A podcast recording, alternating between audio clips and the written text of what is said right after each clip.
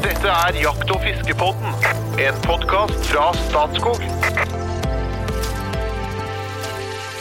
Hjertelig velkommen til podkasten som handler om meninga med livet. Jakt- og fiskepoddens faste trio er selvfølgelig klar til å gi deg ny inspirasjon. Navnet mitt er Trond Gunnar Skillingstad, til daglig er jeg kommunikasjonssjef i Statskog. Men jeg blekner fullstendig i møte med, med mine kompanjonger. Som vanlig har jeg med meg rypedoktoren fra Innlandet, mann med fem frysere og som lever og ånder for jakt døgnet rundt. Hjertelig velkommen, doktor Jo Inge Bresjeberget. Tusen takk. Hei, hei. Og vi har med oss den eh, tidligere raddisen som eh, etter hvert har glidd inn i overklassen med sin sideligger, tweed, fluestang og et utall kostbare gitarer. Eh, Velkommen, kunstnersjelen fra Asker, Espen Farstad. Morgen, morgen. I dag Det er så hyggelig å bare sette standarden på det, over. men vi går videre. I dag skal vi snakke litt om predatorer og jaktbart vilt.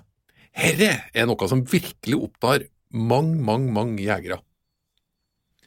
Er det sånn at én skutt rev gir mer fugl og rådyr et område? Eller en eh, fanga mår, eksempel? Hvilke utslag har det på skogsfuglbestanden? Vi skal snakke litt om de sammenhengene, og så skal vi òg tore å gå litt filosofisk til verks.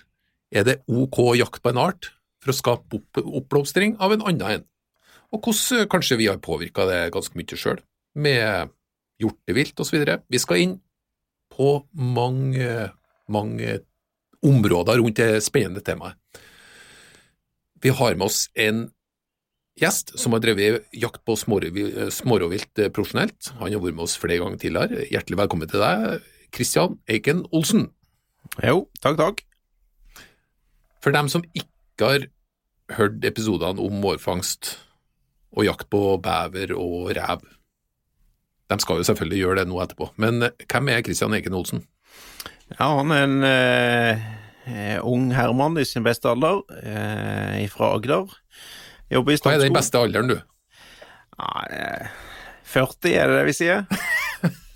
Ok, Ja, jeg jobber i Statskog til vanlig, eh, med, jakt, fiske og eh, friluftsliv i Region Sør-Norge.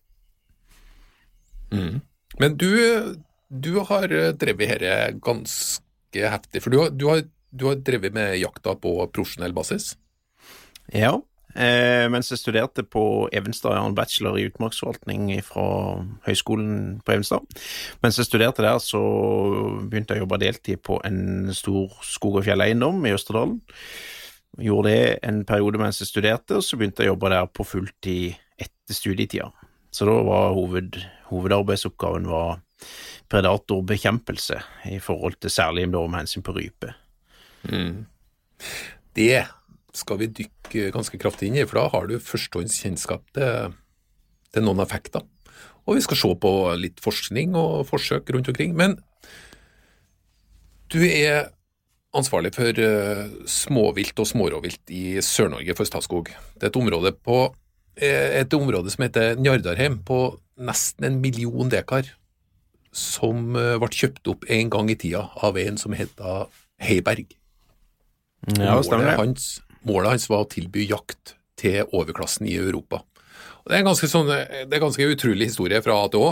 Det handler om eh, masseutryddelse av rovvilt og helt eventyrlige fangster.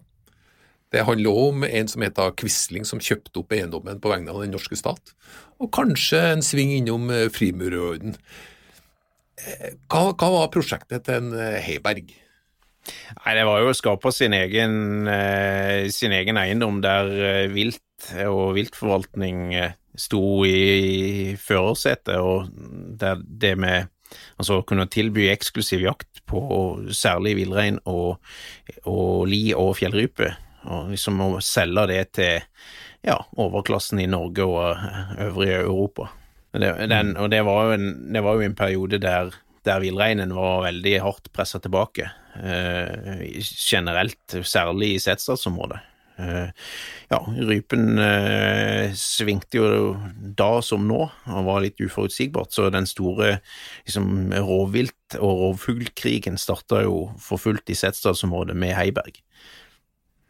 Mm. For det står noe i noen gamle hyttebøker om, sånn, om fangster som ja, sikkert ikke er akseptabel, men heller ikke mulig overhodet å oppnå i dag. Eh, Nei, det, det, dette skjedde nei, Oppkjøpet starta veldig tidlig på 1900-tallet, eh, og det har etter hvert ganske fort ble tilsatt egne oppsynsfolk og fangstfolk som drev jo med eh, fellefangst, og da særlig åtesakser i forhold til, til rovfugl, som ble ganske hardt tettstreba. Og så var det jo gifteråte i forhold til ja, det meste som kunne tenkes å ete de, da. Det var jo jerv, rødrev videre, da. Eh, og det gjorde jo at det, altså det bidro nok sammen med ellers gode rypeår til at det ble noen hinsides rypefangster. Den beste vel som vi kan vise til i både hyttebøker og jaktjournaler, er jo jeg tror det ble skutt 1365 ryper på, ja, på, på ca. to uker, da, av et sånn et lite jaktselskap. ok, ok. Så det er jo det litt Heiberg sjøl skjøt var det 65 eller på en dag. Det var, Ja, det var, be, det var, best, da, det var liksom eh, beste fangst på ei børse på én dag, ja, var 65. Det var lite sånn aktiveringssystem da, Jo Inge. ja, det var det. var enkelt. Det var litt enklere. Man hadde nok litt, hadde litt andre betingelser enn det vi har òg, da. Ja. Men eh, smårovvilt, Jo Inge, hvilke arter snakker vi om da? Nei, jeg tenker først og fremst fra rev og nedover, det, da.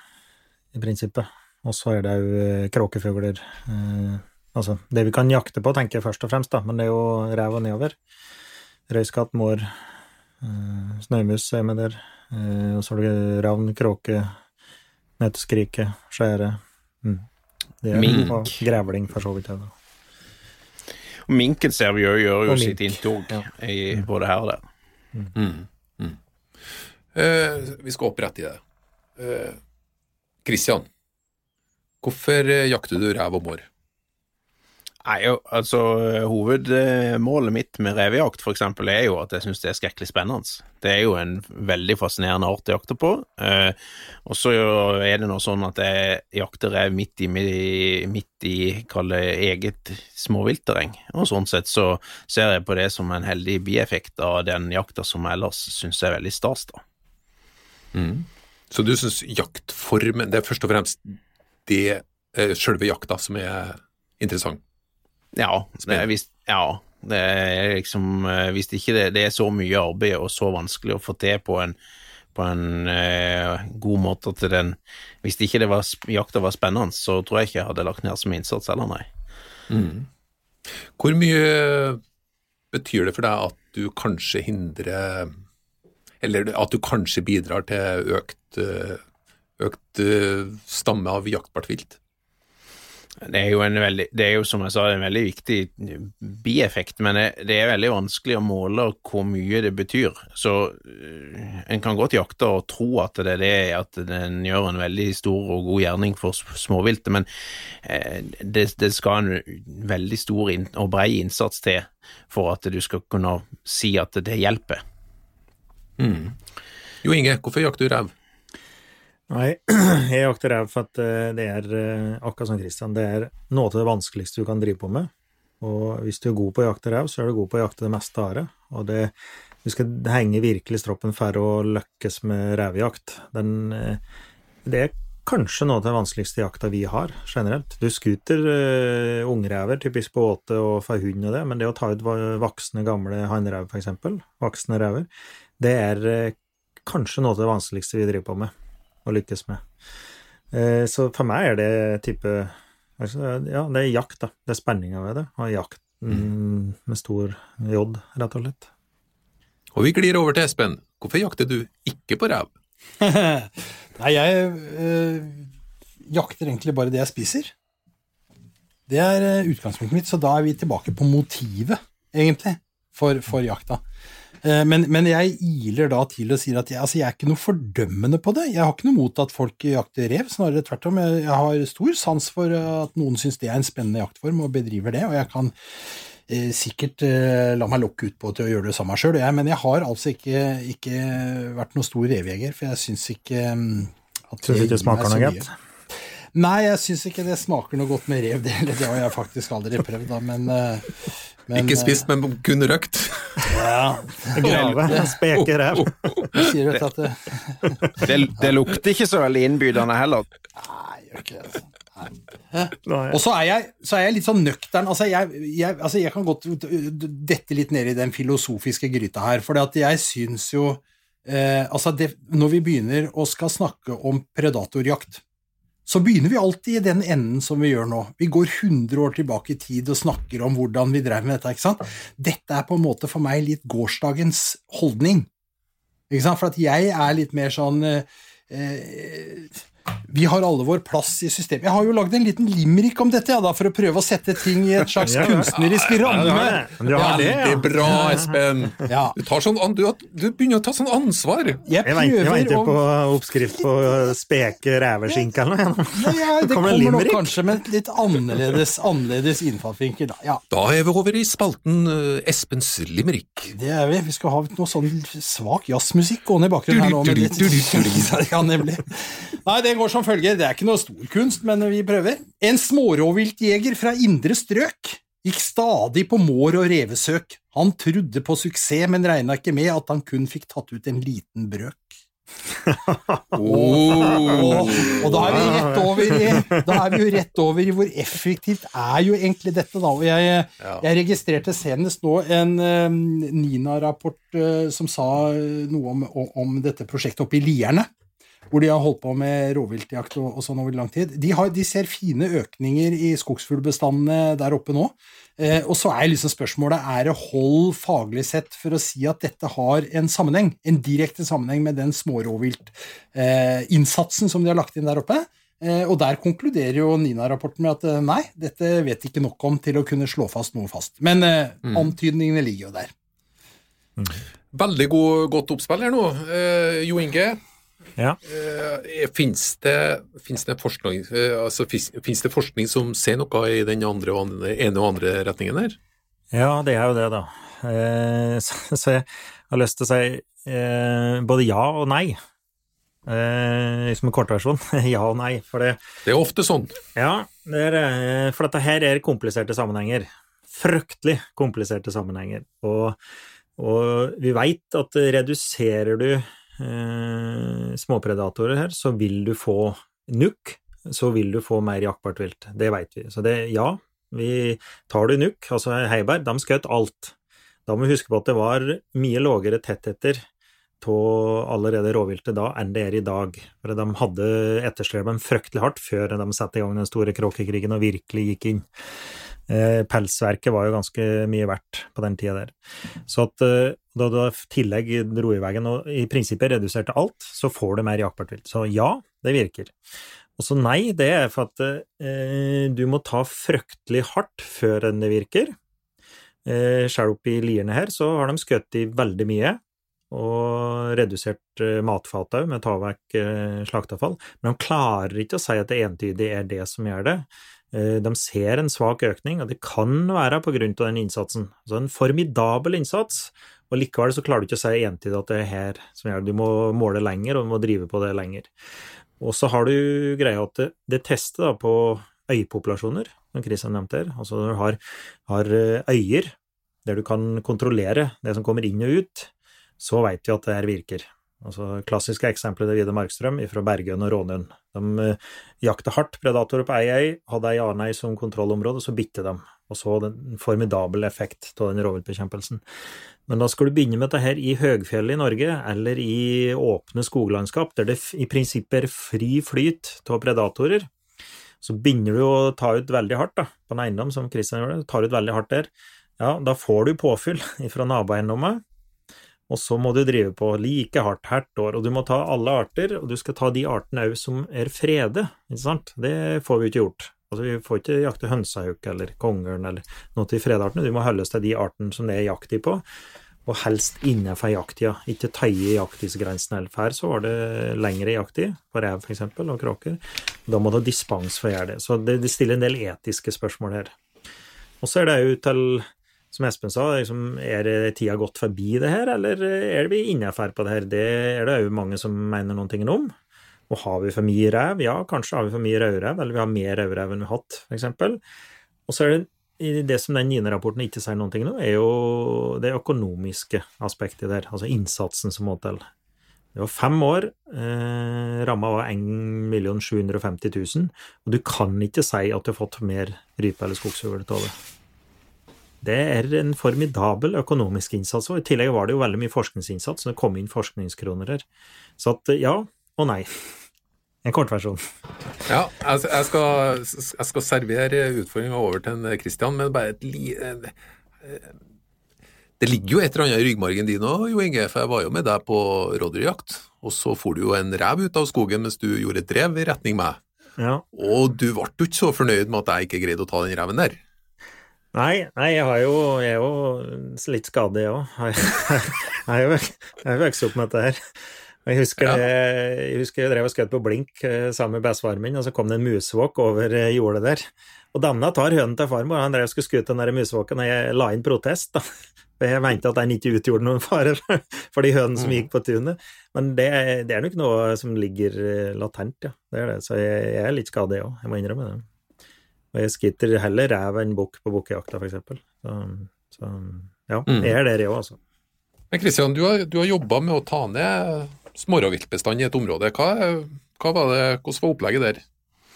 Nei, det var jo motivert med å én, helst øke rypetettheten, øh, med, og to, unngå de der svarte årene der, du, der kanskje smågnagerne krakker, og så blir det fryktelig lite fugl. For å på en måte demme opp for det, da. Så øh, at ikke du skulle få de der helsvarte årene, så var så var det liksom en del av motivasjonen, da. Eh, Og der ble det en eiendom på 220 000 dekar, cirka. Eh, Ca. 50-50 med skog og snaufjell. Eh, og så er det mye fjellskog, det som er skogsatt, tresatt. da. Så det ble taksert der eh, før eh, Jeg må kalle det et prosjekt, da. Det blir jo drevet fortsatt i dag. Men eh, det, det ble taksert i, i både naboområder, altså andre områder i samme kalde fjellområde, og på den eiendommen. Det, der ble det gått eh, takstlinje både før og under det her prosjektet, da. Og eh, da var de eiendommene som ble kalt målt da mot hverandre, var nokså like i eh, rypetetthet, sånn helt ålreit eh, god lyrypterreng, og så eh, dro den eiendommen som drev med predatorbekjempelse, den dro ganske tydelig fra eh, etter den bekjempelsen starta, da. Så, så takserings... Altså, det økte Hvis du velger å se på takseringsresultat Tallet er jo skummelt, kan brukes litt som du vil, da, men hvis du ser på takseringsresultat, så økte det ganske betydelig på den eiendommen der det ble gjort tiltak. Eh, og òg antall høner med kyllinger økte, og andelen kyllinger i kullene økte. Eh, ganske forsiktig jaktuttak på den eiendommen som tiltakene ble gjort på, men, men allikevel det ble ja, det ble jakta skutt i mellom 5 og 10% av taksert høstbestand. Eh, Så, så ting der Hvis en er positiv i huet og tror på saken, så er det lett å si at eh, du kunne se at det virker. Men- Hvordan tok du ut, tok du ut smårovviltet? Var Nei, på jakt hver dag, revejakt hver dag, liksom, eller var det Ja. osv.? Ja, det er litt sesongbetont, men uh, vi hadde dispens til å drive på uh, med jakt hele året uh, på de små predatorartene her, da. Men, men hovedfangsten foregikk jo i den lovlige jakttida. Altså den ikke lovlige jakttida, men den normale jakttida. Mm. Ja.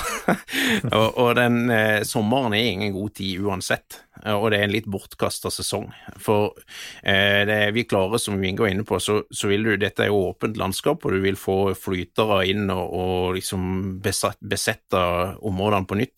Så den viktigste tida er jo perioden inn mot hekketida til rype, da.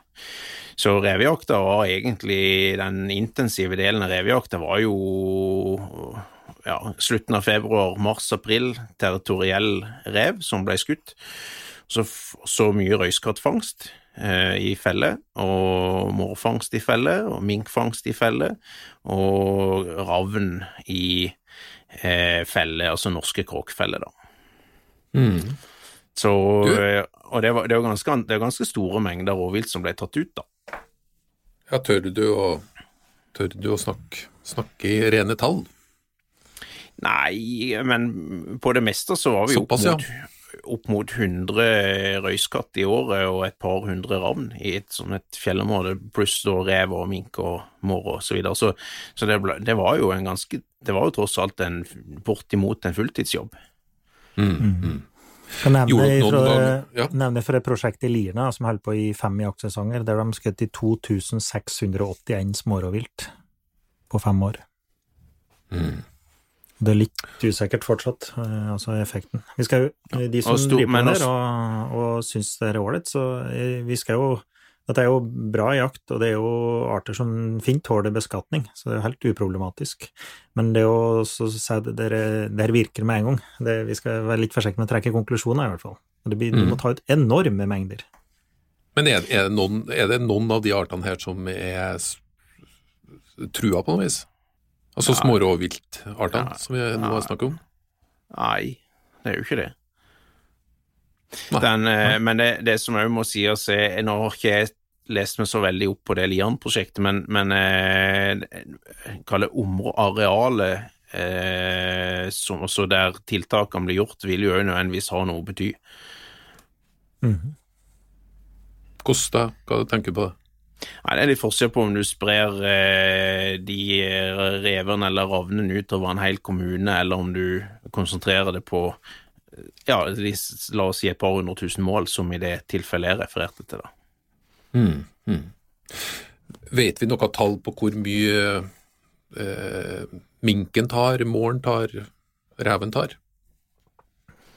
Ja, Ja, det, er jo, det er jo gjort en del eh, forskning på det òg, da. Så at eh, eh, Det beste eksempelet var jo type du hadde reveskabben, og reven i prinsippet var borte, og så oppblomstringa. Da får du det først og fremst på arter som ikke er territorielle, altså skogsfugl, hæra, ja, og rådyr òg, ser du det veldig kjapt på når du mangler rev, da, for eksempel.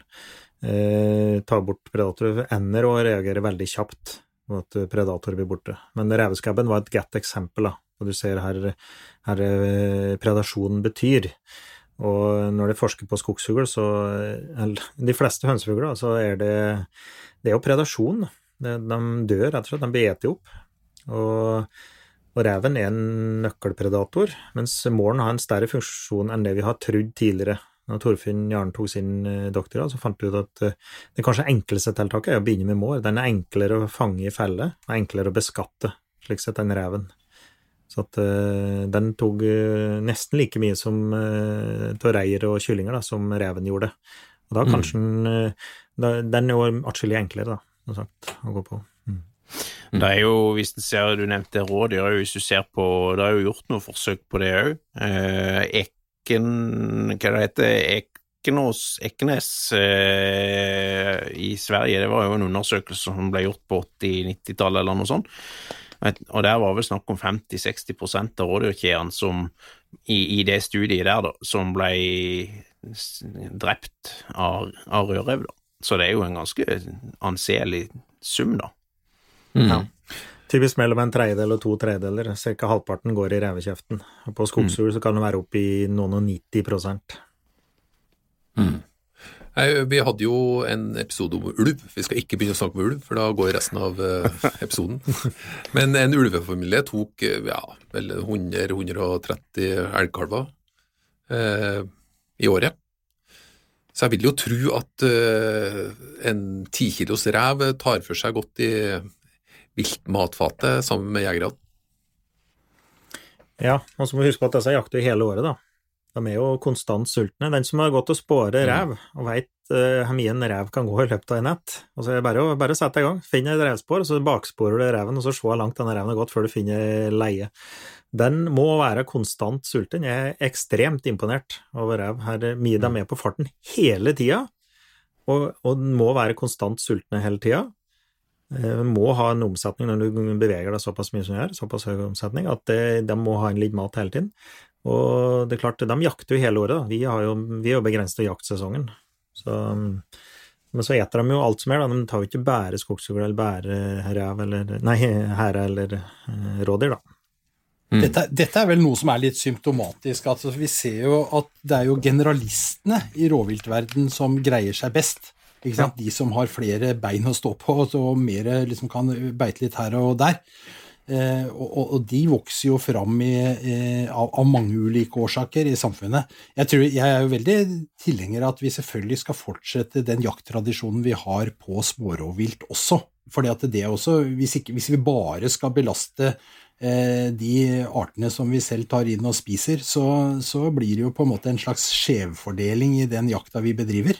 Ikke sant? Så det, det er jo riktig, ja. Pluss at det er jo det er jo områder hvor vi setter inn særlig innsats mot smårovvilt. Eh, vi kan nevne sånne type sjøfuglreservater på Vestlandet som hvor man virkelig går inn og driver bekjempelse av mink. ikke sant? Og da må vi jo ha kompetent Vi må jo ha kunnskap, men vi må jo ha bikkjer. vi må jo, ikke sant? Altså Alt dette her må jo vedlikeholdes og holdes ved like.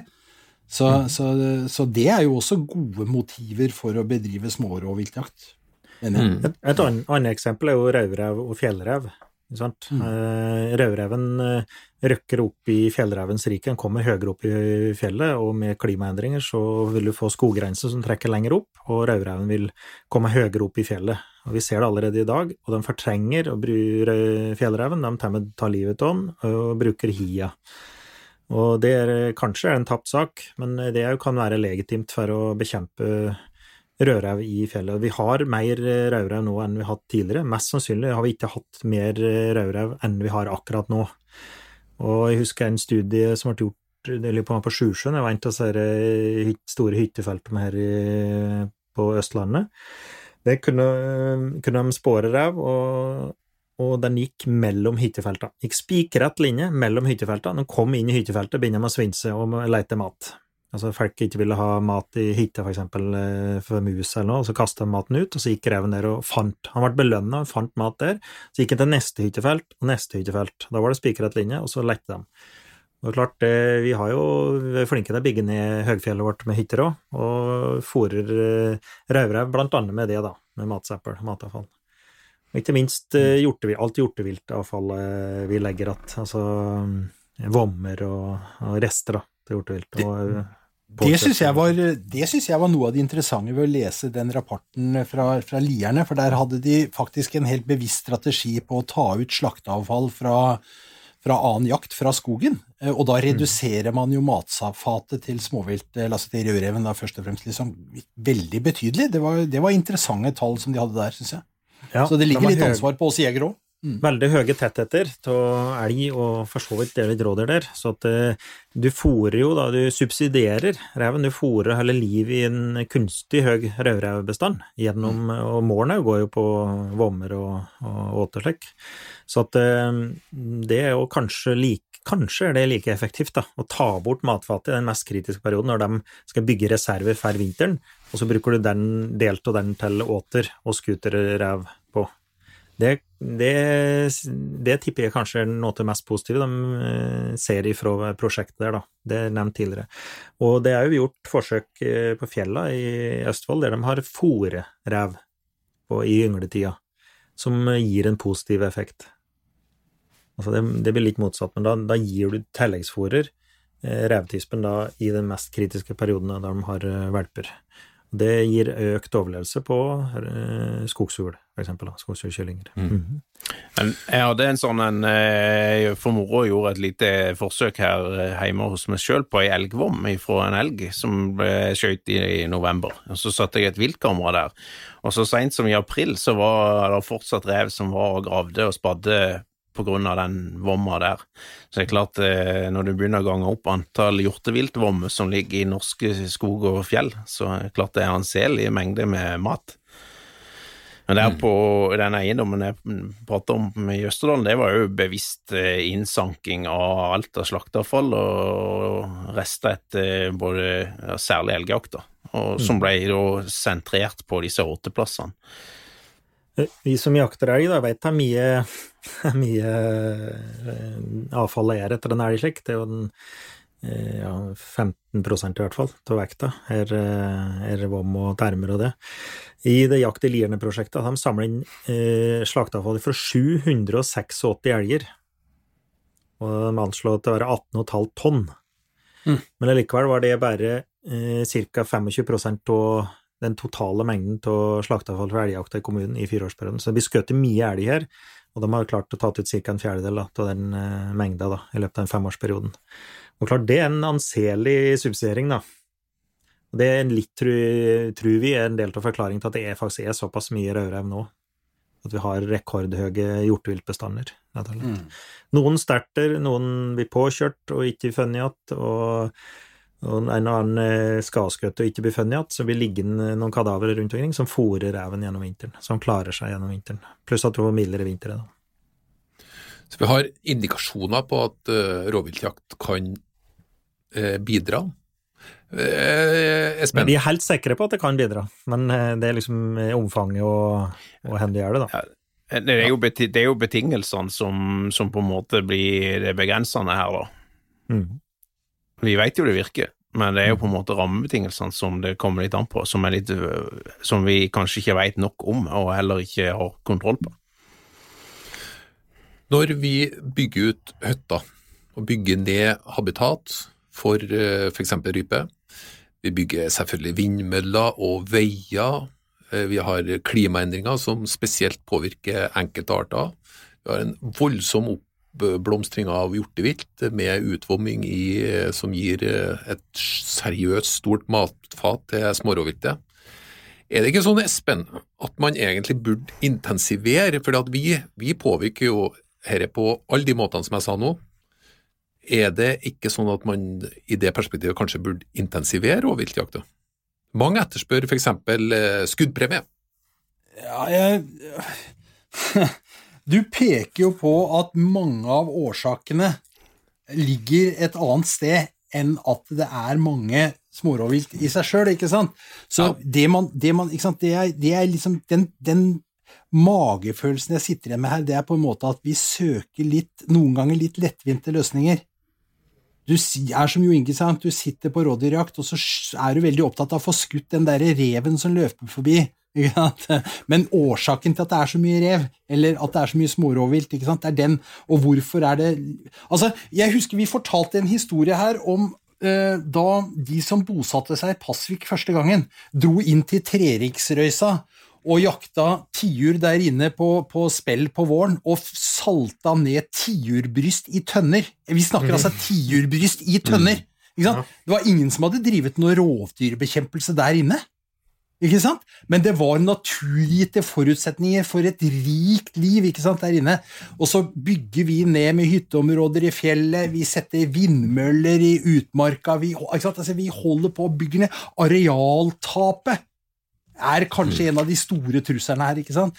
Og så sier jeg ikke at vi ikke skal skyte rev, misforstå meg rett, men det er kanskje liksom løsningen på, på en rødlista rypeart. Det er på en måte ikke å skyte en rev, det er å drive en god naturforvaltning på lang sikt, ikke sant? Og der er jo eh, der er jo hver og en av oss får være med på å ta litt ansvar. Hvis vi virkelig mener at klimaendringer er viktig, så kanskje jeg ikke skal kjøre dieselbilen min rundt omkring i hele Norge da på jakt etter rødrev.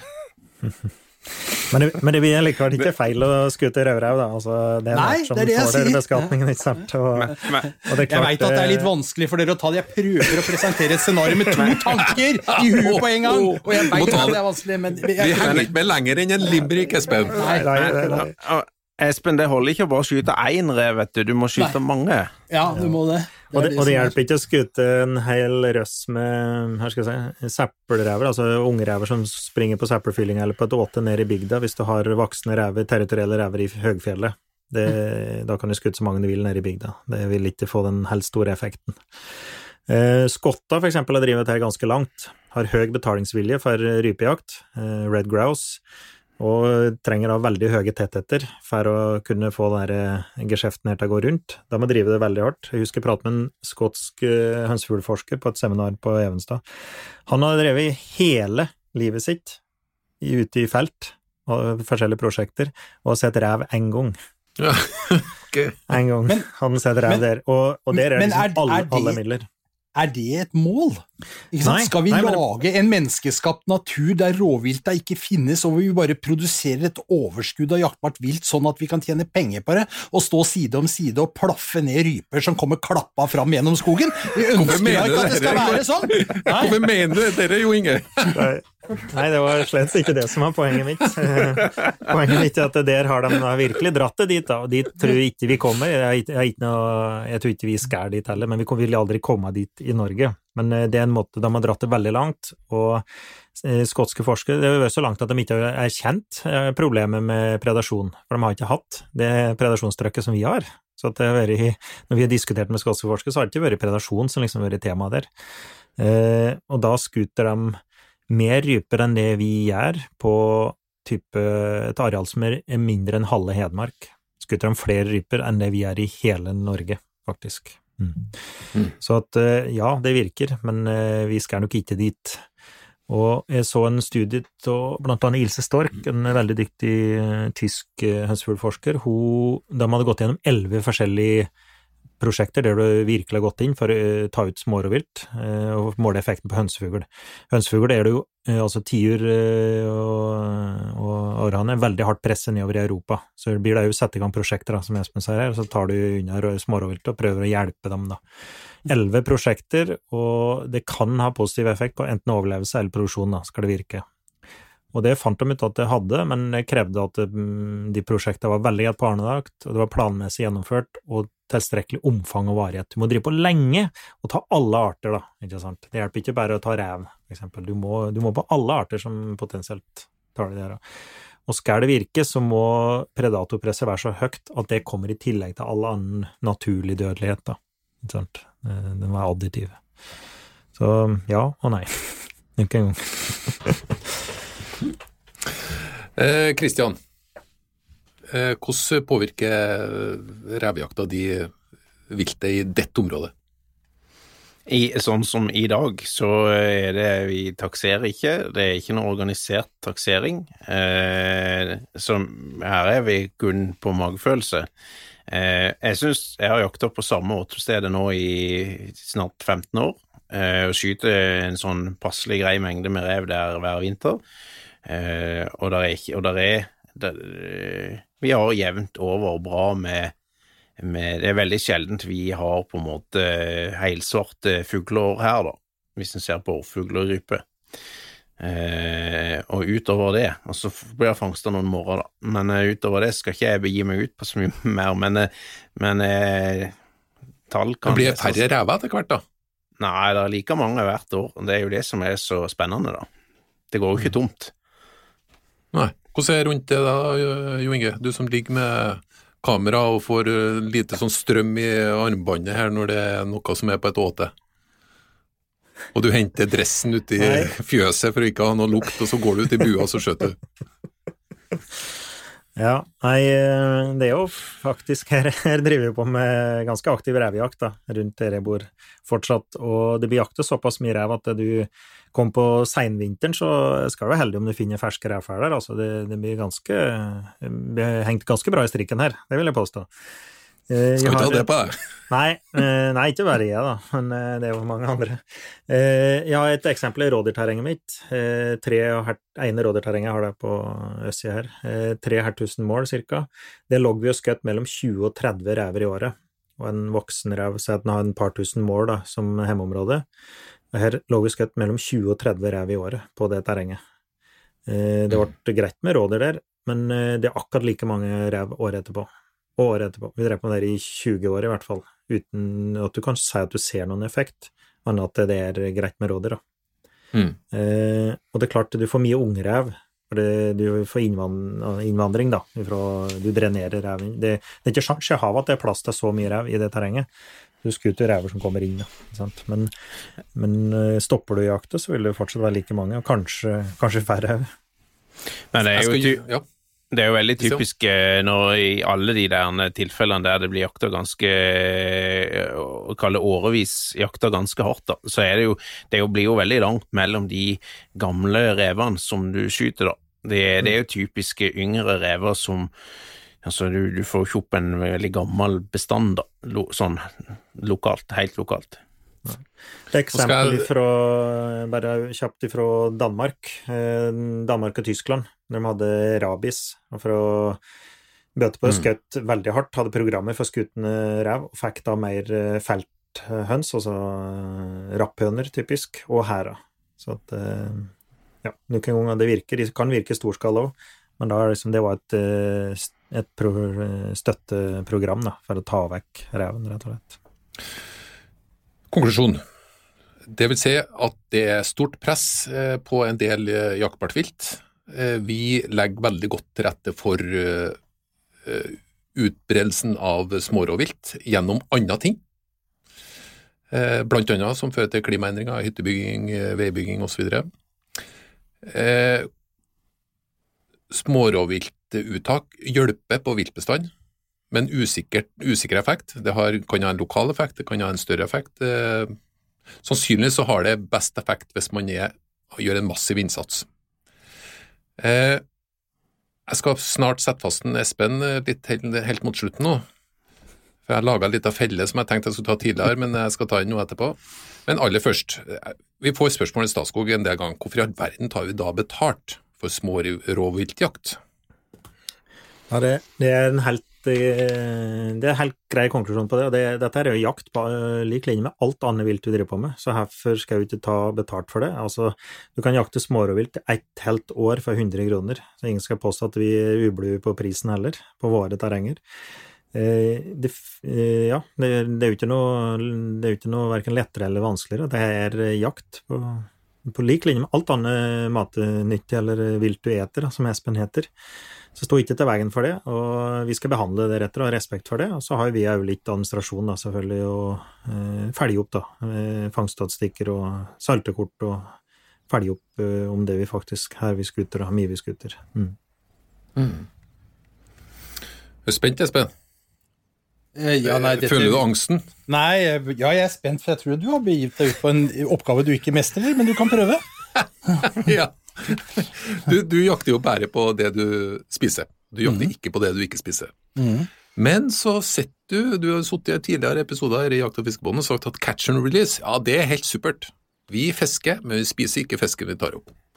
Du gjør det òg, men eh, catch and release eh, gjør du på, på fiske, ikke på jakt. Hvorfor det?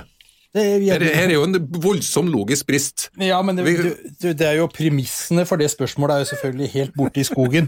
Det- det jeg kommer har bestandig når jeg jeg setter har jo fast. alltid, Jeg har jo aldri sagt at jeg bare driver med cash and release-fiske. Jeg fisker fordi jeg syns det er moro, og fisker, og så fisker jeg alltid med meg mat å ta med hjem. Jeg spiser til jeg blir mett, men jeg slutter ikke å fiske av den grunn. Jeg fortsetter å fiske og setter ut resten. Cash and release er et overskuddsfenomen i min verden. Jeg vet ikke om jeg syns det var så god forklaring, så det, vi, men vi går vi, går, vi, skal gå ned for landing, faktisk. Kjære lytter, eh, hvis du har spørsmål, innspill, kommentarer, ta gjerne kontakt med oss. Vi er på Facebook og Instagram. Og selvfølgelig, du, hvis du skal gjøre en eh, fin oppgave til fram til neste fredag, når det kommer en ny episode, så er det at du verver en venn. Vis, eh, vis frem Jakt- og fiskebonden til noen som ikke har blitt innvia i den verden ennå. Før vi går helt til slutt, så skal vi ha en liten hot or not. Er dere klare? Ja, da. Ja, Ja, det var litt seint fra Sørlandet her. Du må være på nå, Kristian. ja, jeg skal, ja, jeg skal Naturen har gitt sine begrensninger her fra sør, så ja. Ja, det er trønderne som er trege, ikke sørlendingene. Ok, vi kjører på. Nummer én. Ikea, hot or not? Not. Hot. Hot. Jeg ble litt usikker. Eh, Espen sa hot. Jeg sa Jon hot. Inge sa Not. Jon Inge. Not. Kristian. Ja, han sa hot. Ja. Skal jeg ta neste på eh, velklingende sørlandsk. Dyreparken i Kristiansand, hot or not? Not. Not. Kristian, hva sa du? Hot, ja. Ja, ja. Du må være litt tydeligere, for det, det andre de, de bøyer seg frem mot mikrofonen, ser jeg. Og så roper hot! På nå, Kristian. Ok, du var hot, og det andre var not. Jeg syns det var en god idé at du kjørte hot på den. Nummer tre. Kjøttfri mandag. Hot or not? Not. Not. Det var not på alle. Fish and chips. Hot or not? Hot. Hot. Ja, hot. Ok, trippel hot. Da skal vi gå ned for landing på den her òg. Siste hot det, er- Men jeg kan ta den likevel. DDE sin festlåt 'Kan jeg by deg på en pinni'? Hot or not? Kom igjen, Espen. Få hatten av Espen. Kom igjen. Det er endeløst! Da var det hot fra alle sammen. Hjertelig velkommen tilbake neste fredag.